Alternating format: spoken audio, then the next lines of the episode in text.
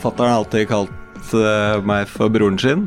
Bolig er den største forskjellsmaskinen eh, i Norge. Noen er noen eh, hva skal jeg si eh, kapitalistiske, egoistiske jævler. Det er viktig for meg. Jeg lever ikke under den. Her er Stavrum og Eikeland, en podkast fra Nettavisen. Anders Buchardt, du er Norges største utbygger av fritidsboliger til fjells. Når du reiser rundt i norske fjell nå, så er det jo mørkt overalt. For folk har ikke råd til å være på hytta pga. dyre strømpriser. Det må jo være et elendig marked å være i.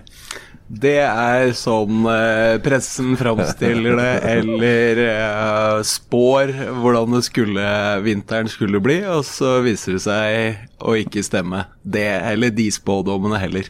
Gjør det ikke det? For folk, vi har jo tall som viser at folk bruker hyttene mye mindre nå enn de gjorde i fjor. Ja, men vi har også tall på, som viser at de bruker hyttene vel så mye. Og vi leser enkelthistorier og sånn, men vi driver jo to store skianlegg eh, i Norge.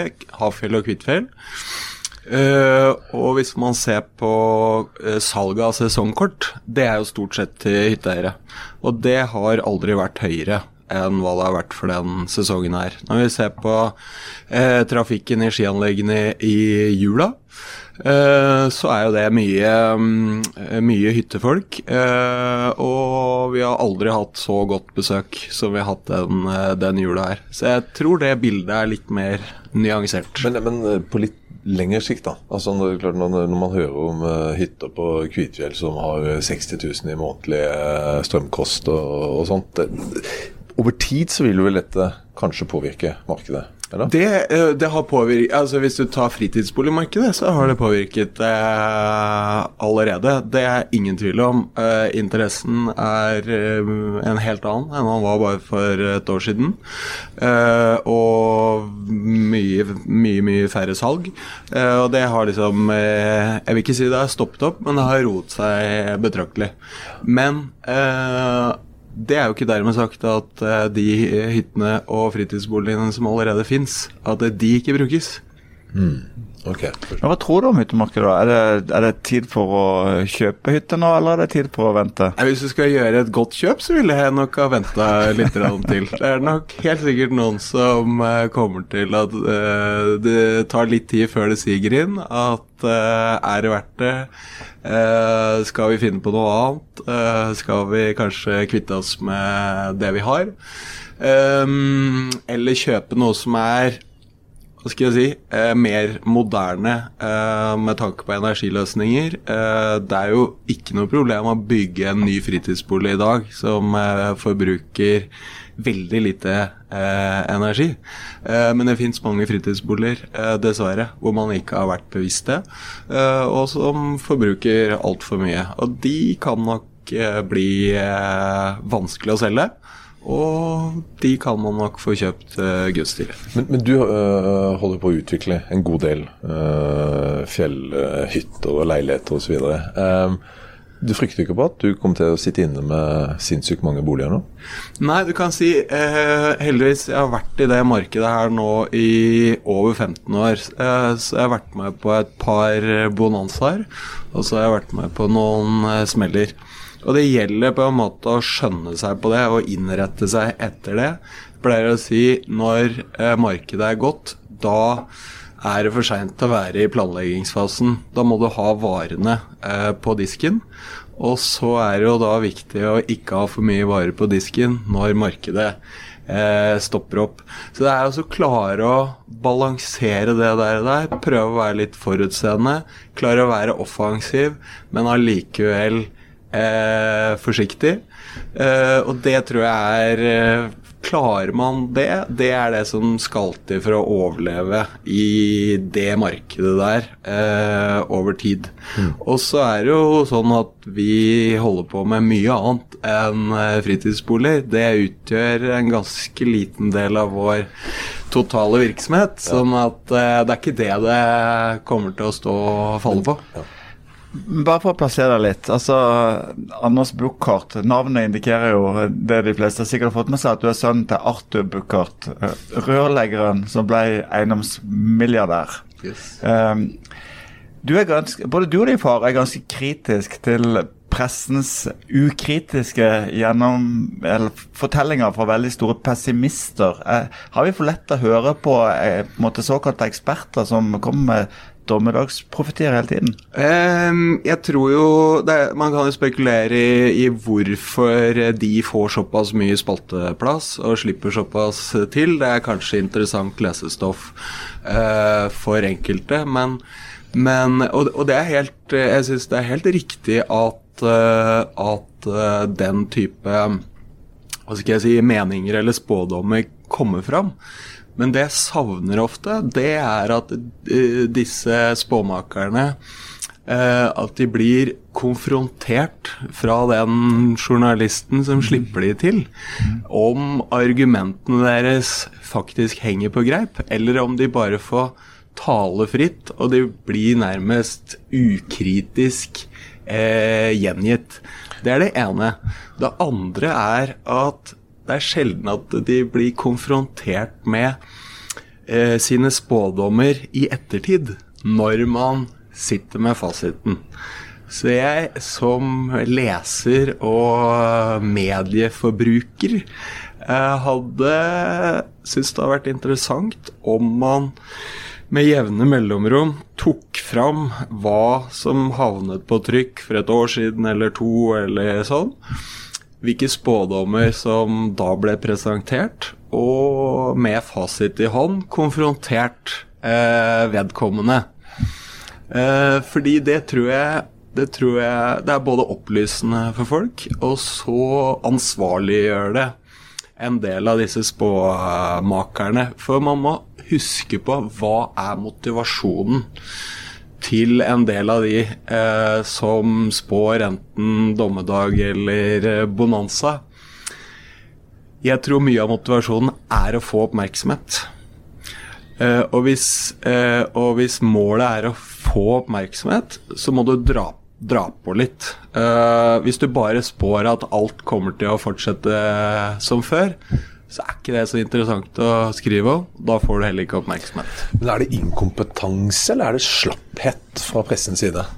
Eh, jeg tror eh, det, det, er, det, er, sikkert flere forklaringer eh, på det. Det er eh, dårlige forberedelser. Eh, og så er det dårlig tid. Altså man eh, Sånn jeg Den lille erfaringen jeg har med pressen, er at man, man skal man har knapp tid på seg. Man må liksom få gjort sakene ferdig, få det ut, øh, og hoppe til, til, neste sak. Og så tror jeg det er litt at man nesten ikke hører etter hva intervjuobjektet faktisk sier. Man sitter og noterer sånn, og så er det liksom ikke noe som øh, Eh, noe som reagerer på at ja, men det argumentet her, eller det, den forklaringssammenhengen her, det kan jo ikke henge på greip. Gitt hva man har hørt andre steder, eller vet, eller kan av fakta. Hva sier du, Gunnar? Hva sier du, Gunnar? Jeg sier at jeg gleder meg til å få Anders tilbake om et år, for nå skal du få komme noen spådommer sjøl. kommer, eh, eh, kommer boligmarkedet, boligprisen i Norge, og kanskje spesifikt eh, liksom, i hvert fall i, i by, da, eh, kommer prisene til å være over i dag på dagens nivå, eller kommer de til å falle i løpet av neste året? Skal jeg svare kjedelig, eller skal jeg svare Det blir uansett her. Ett år til har vi fasiten. Nei, eh, jeg er jo tilhenger av på en måte ha meninger om ting man har eh, greie på. Uh, og tenker at det er klokt å ikke mene for sterkt om saker man ikke har for mye greie på. Uh, boligprisene jeg syns det er veldig vanskelig. Uh, og mene så mye om det. Mye taler for at de skal ned. Det er andre krefter som, taler, eh, som vil bidra til at eh, de vil holde seg. Jeg tror, og det enkleste og det kjedeligste er å spå at det holder seg sånn eh, rimelig flatt. Eh, når det er sagt, så tenker jeg det er altfor stor oppmerksomhet rundt boligpriser. Eh, det har noe å si for de som skal inn på boligmarkedet. Der er det viktig. Men for stort sett alle de av oss som har bolig, så har det forholdsvis lite å si. Eh, om den boligen vi bor i synker med noen prosent, eh, eller stiger med noen eh, prosent eh, Privatøkonomien og livene våre er akkurat det samme. Jo, men ok, men du skal ikke slippe unna, for det, fjellhytter, det har du peiling på. Fjelleiligheter. Okay, Ja, jeg, har hvert fall, er i hvert fall tett på markedet. Ja. Mm, Hvor- I motsetning til eh, visse sjefsøkonomer og prognosemakere. Exactly. Om ett år til. Samme spørsmålet. Opp eller ned eller samme sted? De er nok eh, litt ned, med store individuelle forskjeller. Noe kommer til å være nærmest usalgbart, for det har gått ut på, på dato. Eh, de forbruker altfor mye energi. Og så er det noen ting som er salgbart og vil holde seg i pris fordi at de har en beliggenhet som eh, du ikke klarer å finne, finne andre steder. Eh, og de er uh, fornuftige driftskostnader på. Da skal vi ta en annen ting som du må ha peiling på, nemlig renter. Ja, det er viktig for meg. Kommer uh, rentene til å være på dagens nivå høyere eller lavere om et år fra nå? På dagens nivå. Ok. Ja. Så du, du ser ikke for deg et ragnarok, men ganske stabil utvikling og nyansert utvikling både på boligmarkedet, eiendomsmarkedet, eller hyttemarkedet og rentemarkedet? Jeg må si jeg var mye mer bekymra for et halvt år siden. Da, da var jeg Og jeg er egentlig generelt eh, lite bekymra og lite euforisk. Men da var jeg Da kjente jeg på en bekymring. Det var da vi skulle ha den. det. Så, så, så nå jeg, Det ser liksom ut som ting kommer til å gå seg sånn uh, brukbart uh, til. Uh, og så bare håper jeg at, um, at eh, de som Hva skal jeg si eh, er med å påvirke og har mye å si for stabiliteten, at de også klarer å puste, puste med magen og ja, ikke gjøre noe overilt. Gikk du og sikra deg når du var som uh, Du, vi har, vi har en policy vi har hatt i alle år eh, om å prøve å eh, redusere risiko eh, der vi kan. Vi driver jo med store utviklingsprosjekter eh, som i seg selv kanskje har en ganske betydelig risiko. Da må vi prøve å eh, eliminere risikoen der vi kan. Det går på å bygge Alt vi bygger, gjør vi til faste, avtalte priser. Eh, vi prøver å ha solgt en god del på forhånd, eller leid ut på forhånd. Og vi binder alltid renter. Eh, så nesten all eh, rentene på all vår gjeld er eh, fastrente. Og så den renteoppgangen som har vært nå, den påvirker ikke kostnadene våre. Den slår positivt ut i regnskapet. ja, det kan du, det kan du kanskje si. Og så kan du si at det, det, men det innebærer også at verdiene kanskje blir noe lavere. Men, men vi, vi eh, Den eh, Alle hotellene våre, da, de, de står nå der. Og vi har, tenkt, vi har eid de lenge, og vi har tenkt å eie de lenge. Og, da, og når man da ikke skal selge det, så har heller ikke det så mye å si der om verdiene går litt opp eller, opp eller ned.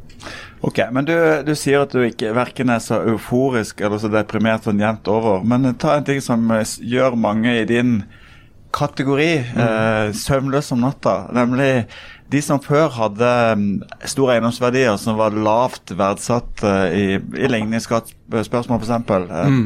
Dere ifølge Kapital er god for over 4 milliarder, men, for, men skatteverdien er jo mye lavere fortsatt. Når flytter du til Sveits? Eh, nei, jeg har ingen eh, planer eh, om det. Ehm, og jeg har tidligere tenkt at det der har jeg ikke sansen for i det hele tatt. Eh, men nå har jeg begynt å få en viss forståelse for det.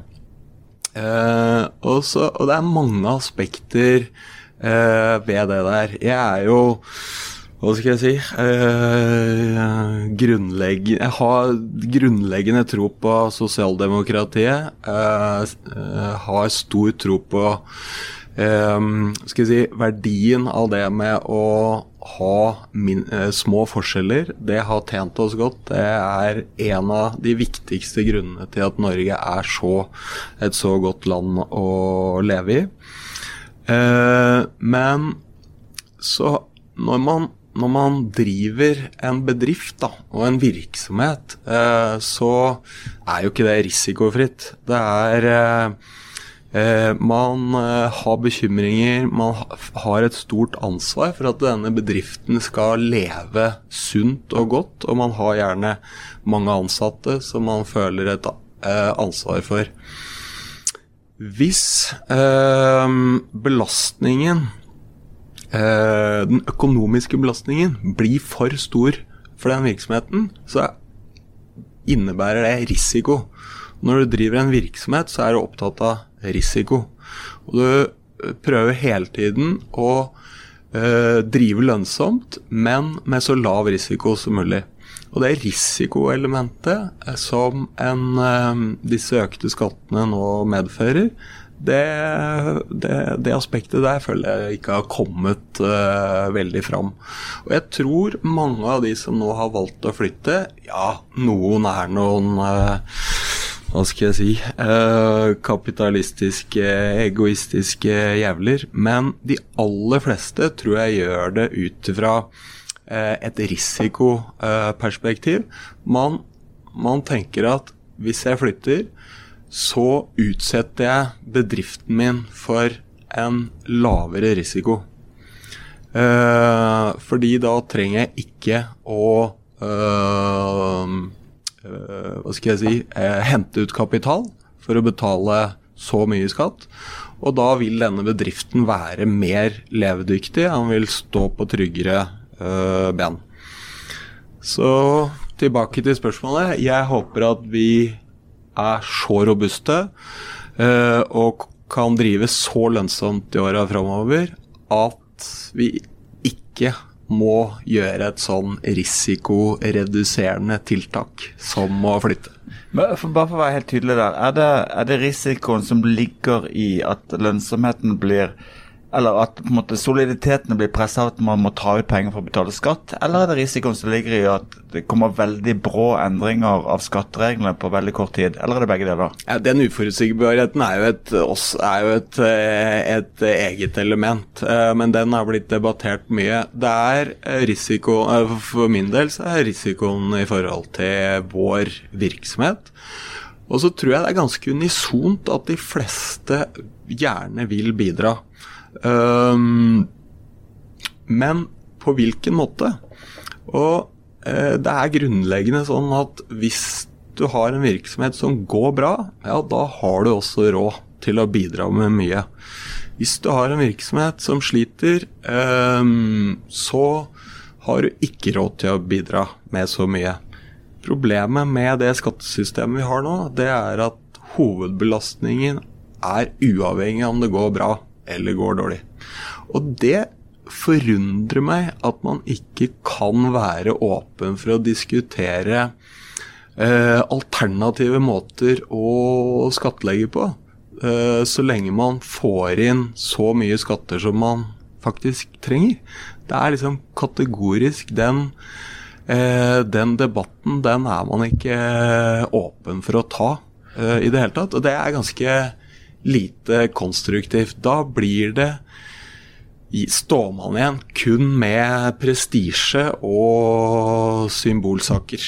Men, men, men, tror du ikke akkurat, akkurat, det du er inne på der, uh, at uh, politikerne De fleste av de ser det, både på venstre- og høyresida, mm. men at de, de, rett og slett tør ikke å ta den kampen. For altså, sånn som det er nå, så er det er en rikingskatt. Formuesskatten og til dels nå også eiendomsskatten. Mm. Vi skal ta de rike. Så tror du ikke det at det, at det er blitt en sånn uh, Det å være rik i dag, det er, det er ikke noe hedersbetegnelse? Nei, snarere tvert imot. Og, og, nå er man jo veldig opptatt av at man ikke skal uh, eh, hva skal jeg si eh, si noe stygt om andre. Og gjør man det, så blir man jo hengt. Men eh, de som faktisk eh, har eh, forhåpentlig skapt store verdier, det er snart de eneste vi kan slenge dritt til. Um, det er jo det er en interessant, en interessant uh, greie. Men, men, det er helt klart Jeg tror det ligger mye sånn uh, behov for symbolikk uh, i dette her. Men, men jeg tenker Uh, kan vi ikke alle tenke hva som er det beste for samfunnet, uavhengig av politisk farge? det må kunne gå an å være pragmatisk og, og, finne hva skal jeg si, løsninger og ordninger som flest mulig stiller seg bak. Og så kan det vel ikke være så farlig om man kan være enige om ting. Man trenger ikke på død og liv å, å skape motsetning. Men, men, mange av disse som, som har flytta, og nå vurderer å flytte, det, altså Vi snakker om at de har mange tusenvis, kanskje titusenvis av ansatte. Mm. De har betalt uh, skatter både privat, men også selskapene deres har betalt altså milliarder i, i skatter. Mm. Hvordan tror du de føler det nå, sånn at de, de blir rett og slett uglesett i, uh, i samfunnet fordi de de, de flytter? Jeg tror det er et aspekt som ikke har vært eh, framme eh, i debatten så mye. Um, veldig mange har uttalt seg og, uh, av såkalte eksperter eller politiske kommentatorer Eh, hvorfor folk eh, ja, går til det skrittet å flytte. Da har det vært veldig sånne rasjonelle forklaringer. At man sparer så og så mye skatt, og at det er lønnsomt og sånn. sånn. Men jeg tror det er mer sammensatt eh, enn det. Vi mennesker er ikke bare rasjonelle, vi er også emosjonelle. Og, og hvis man føler at man bare liksom blir eh, nærmest eh, rakka ned på hvor blir det da av motivasjon til å være med og stille opp og, og betale, betale, mer? Um, det, jeg tror det er, har vært med litt liksom, Det har fått det til å bikke over uh, for en del. Det er ikke det at man at eh, folk som på en måte bygger opp eh, store virksomheter og sysselsetter mange mennesker, at eh, man liksom skal stå og, og applaudere dem. Det er ikke det, men, men jeg syns man kan holde seg for god til å, å Hva skal jeg si Se på dem med så med den omtalen og, og, de øynene som vi har opplevd kanskje nå i debattene siste, siste året. da. Men, men dere har en ligningsformue på er det 1,6 milliarder eller et eller annet sånt nå. Så, så, dere starter jo året, du og din far. Eh, med en eh, skatteregning på 16 millioner ish der, og så har du utbytteskatt som du må ta ut, så det vil snakke om ja, 20, over 20 millioner kroner. da. Over 30. Ja, over 30, ok, greit. Mm. Og, og, og, og, den kan kanskje bli med, for det er en reell formue på fire, så blir det bare skjerpelse. Altså, når, når, blir det for mye for deg? Altså for dere? altså at, at dere rett og slett Nå gidder vi ikke mer, nå flytter vi ut? Eh, for å være helt ærlig, så, så, har ikke jeg brukt så veldig mye energi på, på oss uh, spesifikt og vår virksomhet i så henseende. Jeg er mye mer engasjert i Eller det som engasjerer meg, er jo liksom hvilke implikasjoner får dette her, um, på et uh, Ja, i, i hele uh, samfunnet vårt. Og på liksom aggregert nivå. Men svaret på det er eh, hvis vi begynner å slite, virksomheten vår går dårlig, da kan man kanskje bli tvunget til det. Rett og slett for man ikke har råd til det. Eh, hvis det går veldig bra i årene fremover, så vil vi ha råd til det.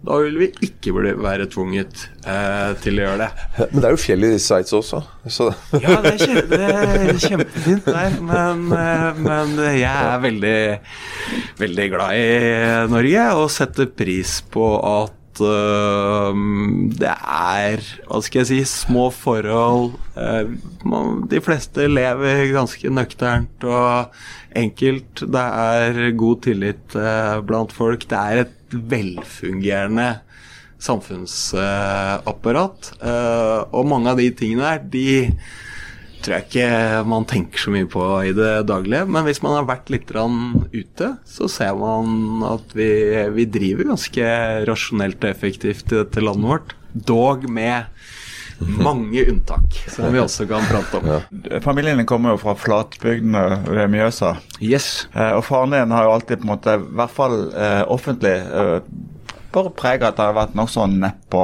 Det er vanskelig på å se for meg han eh, virkelig ta av. Men du, du er da altså samtidig arving til en milliardformue, så folk tenker vel at eh, Hva er det han snakker om? Han har vel gått på kostskole i Sveits og hatt eh, bong hele livet. Arveslask! Hvordan er det å være Hvordan er det å leve i, under en milliardær som far? Jeg lever ikke under den. Um, nei, vi, vi er jo et uh, team. Uh, Fatter'n har alltid kalt meg for broren sin. Um, og jeg var veldig bevisst fra veldig ung alder på at jeg skulle uh, gå mine egne veier. Um, I motsetning til han så er jeg født og oppvokst i Brumunddal. Um, Han bare skryter det på seg. ja, han har bodd, bodd, flere, bodd flere steder. Blant annet på Nesøya. men han har aldri vært noen by, han aldri vært noen bygutt.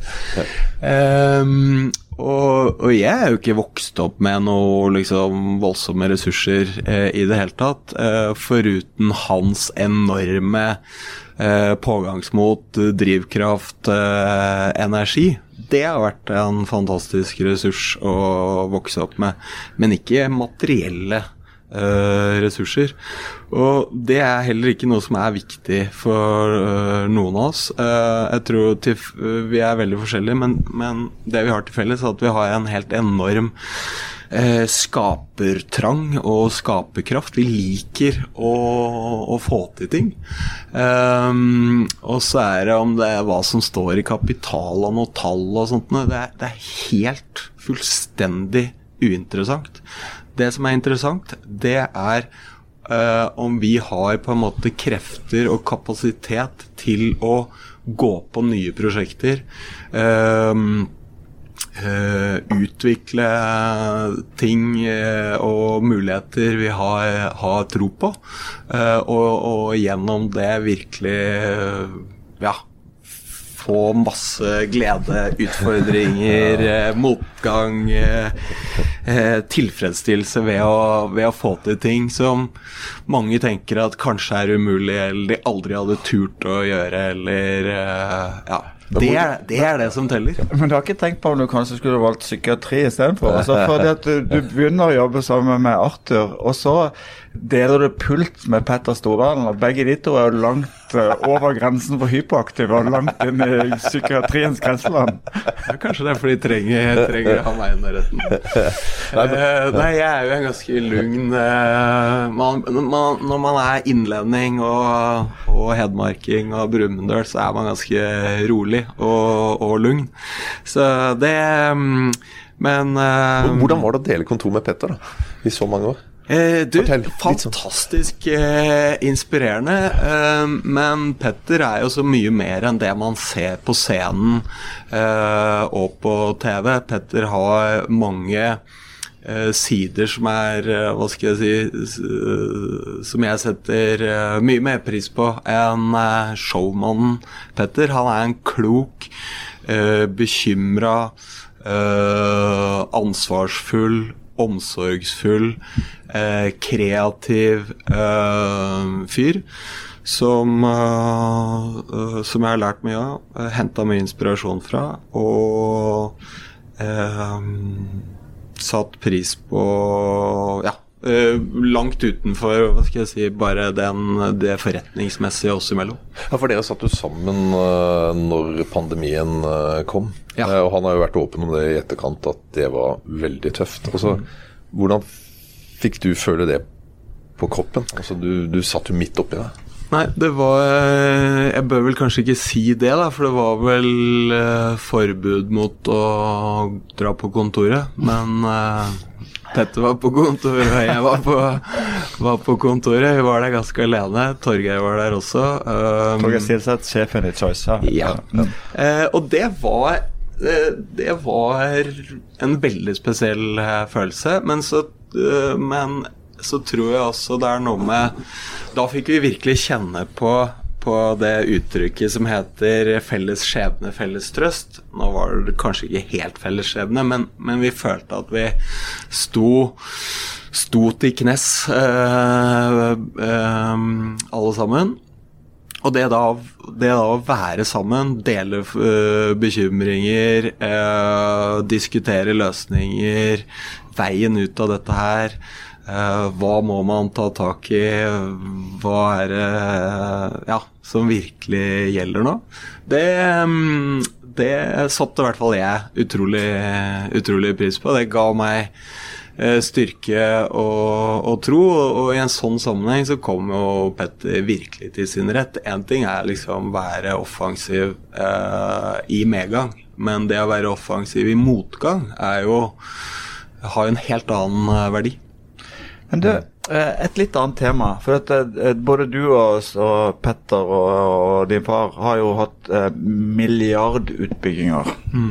Hadde de gått eh, skeis, så hadde de gått konkurs. Yep. Hva tenker du når, når du leser om eh, Follobanen, vannforsyninga i Oslo, eh, Fornebubanen, og ting vokser fra, liksom, fra 10 milliarder til 40 milliarder. Hvor er det det gale skjer? Du, det, det, spørsmålet stiller jo jeg meg også. For det er det eh, vi som er vant til å, å jobbe eh, med store utbyggingsprosjekter, dog ikke på nivå med Follobanen, men, men, men, jeg tror likevel det har en hel del eh, paralleller. Man begynner å undre seg hvorfor det går, går så galt. Um, og så kan du si, hvis, hvis det hadde vært en privat utbygging, da så, som gikk så gærent, så hadde det vært fryktelig synd for, for den vedkommende eller det, det, selskapet som sto bak prosjektet. Men, men eh, med disse offentlige prosjektene så har det på en måte mye større implikasjoner. For det er jo tross alt våre felles uh, penger uh, det, det, det, dreier seg om. Og og vi er jo i en tid nå hvor det er enda mer knapphet, det er enda større behov i det offentlige eh, apparatet. Og senest i går så hørte vi at eh, nå må det skjæres ned i, i helsesektoren. Så det, altså øh, Hva skal jeg si Penger som sløses vekk eller mm, forsvinner eh, i sånne store utbyggingsprosjekter, de, de hadde jo vært veldig kjærkomne eh, for mange andre områder. Og da blir, jo, da, da blir, det et felles anliggende. Og, og, desto viktigere å ha kontroll og orden og greie på det man driver med. Og, og jeg, det er helt forunderlig at dette her skjer eh, gang på gang. Uh, og så skal ikke jeg liksom sette meg på min høye hest og på vegne av det private næringsliv, men jeg tror med en privat utbygger uh, så ville aldri dette her skjedd. Um, fordi at sant, Hvis vi har et stort prosjekt som skulle ha overskredet med mange hundre prosent eller titalls prosent, så har vi ikke noe sted å hente de de pengene. Ehm, da måtte vi kanskje kaste ut kortene og overlate overlatt det til en bank eller andre som, måtte, uh, som kunne plukke det opp til en billig penge. Um, så vi, vi, lever med det hengende over oss uh, hver eneste dag. Um, det samme er jo med tidsbruken. Altså Eh, det å bruke lang tid på prosjekter, det koster mye penger. Derfor er vi opptatt av å drive effektivt, ha korte byggetider, korte prosjekttider, for det påvirker lønnsomheten. Og så ser vi i offentlige eh, utbyggingsprosjekter at det eh, forsinkes og det forsinkes og det forsinkes. Og det er også en betydelig kostnad som kanskje mm, ikke får så uh, mye oppmerksomhet. Og så tror jeg en mangel på ansvarliggjøring. Det er klart Stille samferdselsministeren til veggs for, for, det som har skjedd på Follobanen. Ja, uh, kanskje Han har jo et visst ansvar, men det er klart enorm lang vei fra samferdselsministeren ned til prosjektlederen for uh, Follobanen. Eh, det blir på en måte Det blir helt merkelig. Og der igjen til pressen. Hvorfor finner man ikke fram den som faktisk er prosjektleder for et sånt prosjekt, og utfordrer eh, vedkommende? Det er sjelden. Den der vannskandalen i Oslo er et godt eksempel på det. Eh, hun Lan, som da var byråd med ansvaret for dette her, hun har jo ikke hatt noe eh, hva skal jeg si innvirkning på det på den prosessen her i det hele tatt. Men det var hun som ble eh, ble stilt til veggs og fikk mistillitsforslag eh, mot seg. Men hvor, var, hvor ble det av den e- etatsdirektøren? Eh, den prosjektlederen? Pressen falt aldri fram til, til disse menneskene, som faktisk har, har det operative prosjektansvaret. Hvis jeg forstår det rikt- riktig, la oss ta utgangspunkt i, da, i, en, i en virksomhet som har fire milliarder i egenkapitaler. Og så skal man bygge tidenes største prosjekt eh, som skulle koste eh, fire. Eh, men så fikk vi en overskridelse så det kosta ni. Ja. Ok, eh, Da er min spådom at den som leder det i det selskapet, han eh, måtte, eller hun måtte ganske straks funnet seg noe annet å gjøre, for vedkommende ville fått sparken. Man ville gått konkurs, noen andre ville overtatt. På en måte I det private så har man et renovasjonsvesen Ja. som gjør at dette ikke pågår.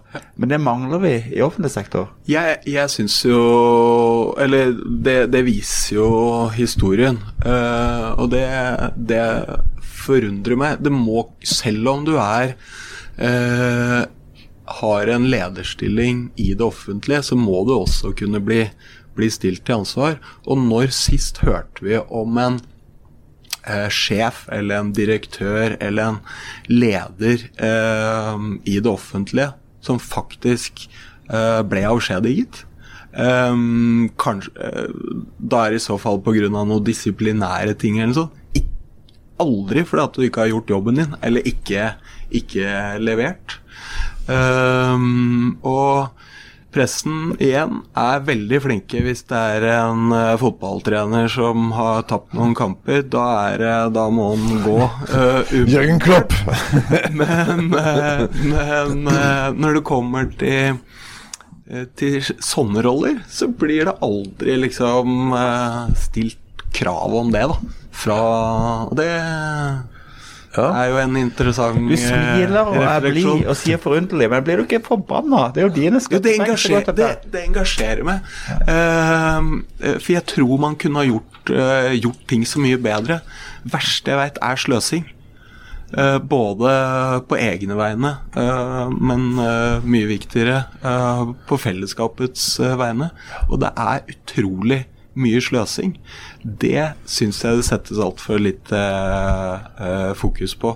Eh, og jeg tror det fins rom for å finne masse penger i det administrative nivået i hele eh, stats- og forvaltningsapparatet som kunne vært brukt der ute i produksjonen, for å si det sånn. Ehm, der det hadde gjort en forskjell hos eh, brukerne og mottakerne av eh, offentlige tjenester. Men det det temaet der er også litt sånn fredet i den offentlige debatten. Eh, Det er heller liksom ikke noe interessant greie å, å gripe fatt i, og man virkelig utfordrer eh, politisk ledelse. Men du, um, vi må inn litt innom uh, boligpolitikk også. Ja. Uh, og du liker jo å, å bo i Norge. Eh, du liker at vi har ikke de aller største forskjellene, sånn som det er i mange andre land. Eh, men vi har hatt et boligmarked nå som har steget og steget nå i 30 år. Eh, og det er gått det er skyhøye priser, særlig de siste årene har jo steget vanvittig. Og så kanskje vært litt sånn skurrete det siste året. Uh, men kunne politikerne og myndighetene gjort noe annerledes, så vi hadde unngått de, de siste prishoppene her nå?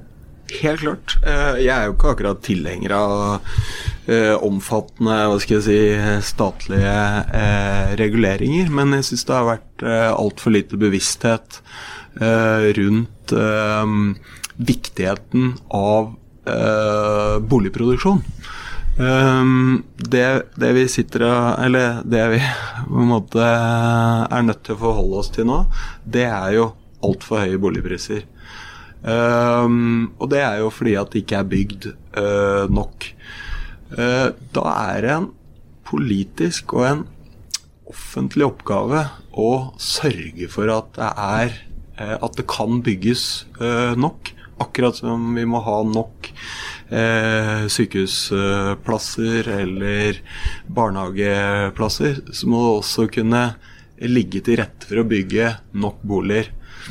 Eh, og dette her med forskjeller, eh, som jeg er opptatt av Jeg mener jo det at bolig er den største forskjellsmaskinen eh, i Norge.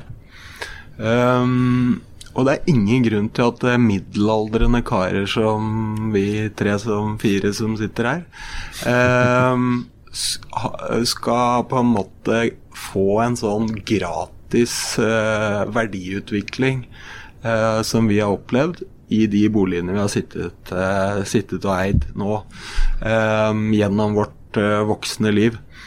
Hadde den boligprisutviklingen bare vært halvparten, det er klart da hadde det vært mulig for mange flere å komme inn på boligmarkedet. Kunne få også være med på en eh, roligere, forsiktigere, men endog en, en verdiutvikling. Eh, um, og at det ikke er ett eneste politisk parti som på en måte har tatt tak i, i, i, det der og gjort det der til en viktig sak i samfunnsdebatten. Uh, helt uh, forunderlig. Så politikerne, de har svikta? Ja. Uh, på nasjonalt nivå og, i, og, og på lokalt nivå mange steder. Det er noen få unntak. Kristiansand er et utrolig eh, godt eksempel. Um, for der har man vært opptatt av å legge til rette for tilstrekkelig eh, boligbygging. Vi har bygd en eh, del boliger der opp gjennom de siste, siste, årene. Det er ikke noe by av en viss størrelse i Norge som har så lave boligpriser eh, som i Kristiansand. Der kan du få deg en god bolig eh, til en helt eh, anstendig, eh, normal inntekt. I motsetning til alle andre byer av en viss størrelse i Norge. Og da sitter man på en måte på fasiten. Eh, det er sånn Man kan ikke bestride det faktum eh, og den, den historien som Kristiansand har å vise til, og det ligger en bevisst boligpolitikk eh, bak. Ja, for De har da lagt til rette for uh, nye områder å utbygge, de har lagd infrastrukturen for det, de har satt opp busser og, og sånt. Ikke sant? Det er det du tenker på? Ja, og, og, og det, det, har vært en bevissthet. Vi må sørge for at det er, no, at det er regulert nok eh, tomter til enhver tid til at eh, produksjonen av boliger blir stor nok eh, til at det blir knalltøff konkurranse eh, blant boligbyggerne. Eh, og det gjør jo at eh, eh, For det første så jobber man mer effektivt. Eh, man bygger mer effektivt. Og tomteprisene blir holdt nede. Man har ikke, Boligbyggerne har ikke råd til å betale høye, høye tomtepriser. Det er nesten, altså, Jeg må nesten bare si det. Siden vi har vært litt innom eh, foreldre, så kan jeg si at min far var plansjef i Kristiansand kommune i 10-15 år. Wow. Han kommer til å høre på den. Han kommer til å høre på den. Han har sikkert vært meget medvirkende til å, å ja, skape den tra tradisjonen der sånn. Ja, dessverre så faller eplet langt fra stammen. Men, okay. men, men, men, vi må jo litt sånn eh, altså, Du driver jo ikke bare med eiendom og utvikling og sånn. Du, du, liker jo å være med deg i, i restauranter i Oslo. Ja, det, det Ja, Michaels. Ja. ja det, du er jo 15% er det? Ja. Ja. Eller har det blitt Det er jo litt uh, hobby og hjerte og um, litt uh, omsorg for uh, bydelen og bygget. Kom igjen, da. Omsorg for bydelen. Det, er jo Piffens uh, møtested. Det er sikkert mer ja, kokain det, enn alkohol. Det var overhodet ikke ambisjonen. Jeg kan fortelle historien. Vi, Kona mi flytta til Oslo når vi var ferdig studert. Var, følte oss fremmed her i byen. Oppdaget et hyggelig serveringssted på Briskeby som vi møttes på titt og ofte og fikk et forhold til uh, uh, både stedet og noen av de som jobbet der. Bølgende Moi. Bølgen og meg. Uh, og så begynte det å gå noen rykter om at det skulle avvikles. Da ble jeg bekymra for at uh, det var jo, Da var det blitt Kiwi i andre etasje. Hva blir det nå da i første etasje? I en av eh, ja, eh, Oslos flotteste bygninger. Så tenkte jeg det her må vi jo Det her kan vi ikke sitte stille og se på. Eh, og så fikk vi stabla på beina et eh, nytt serveringssted. Ja. Så, så det er historien eh, bak. Men er du der på lørdagene og danser på bordet med sjampis? Aldri. Aldri vært der. Du, Du er ikke det? Nei. Det For er ikke det er, Men, men eh, igjen, det er én greie der én dag i uka. Og det er også jeg, Dere er sikkert lei av å høre jeg refererer til pressen, men igjen, da er det det som får oppmerksomhet. Men det er seks andre dager i uka som, eh, hvor det er en hyggelig nabolagsrestaurant med mat av høy kvalitet. Det er egentlig det det, er, det, det dreier seg om. Og så er det litt tjo og hei på lørdager. Men det er ikke det som er hovedgrepet. jeg, jeg skal gi deg litt mer kred for det du sa om, eh, om pressen og boligpriser enn akkurat det der. For det er klart, det er jo superinteressant når eh, daglig leder skriver til, til næringsetaten at eh, de sliter litt med at eh, 60% av, eh, av kundene sniffer kokain. Så klart Det, da, da, kan du, da tror jeg du kan lese tilsvarende på eh, veldig mange andre serveringssteder i Oslo. Og det der, der er jo Det er en av Som jeg sa tidligere, er ikke så mye jeg bekymrer meg for. Det der syns jeg er ordentlig bekymringsfullt. Det der med eh, hvor utbredt dette her med ja, diverse narkotiske stoffer har blitt. Det er forferdelig skremmende. Og som forelder så det er kanskje det det er så, en av få ting som faktisk be, skaper bekymring.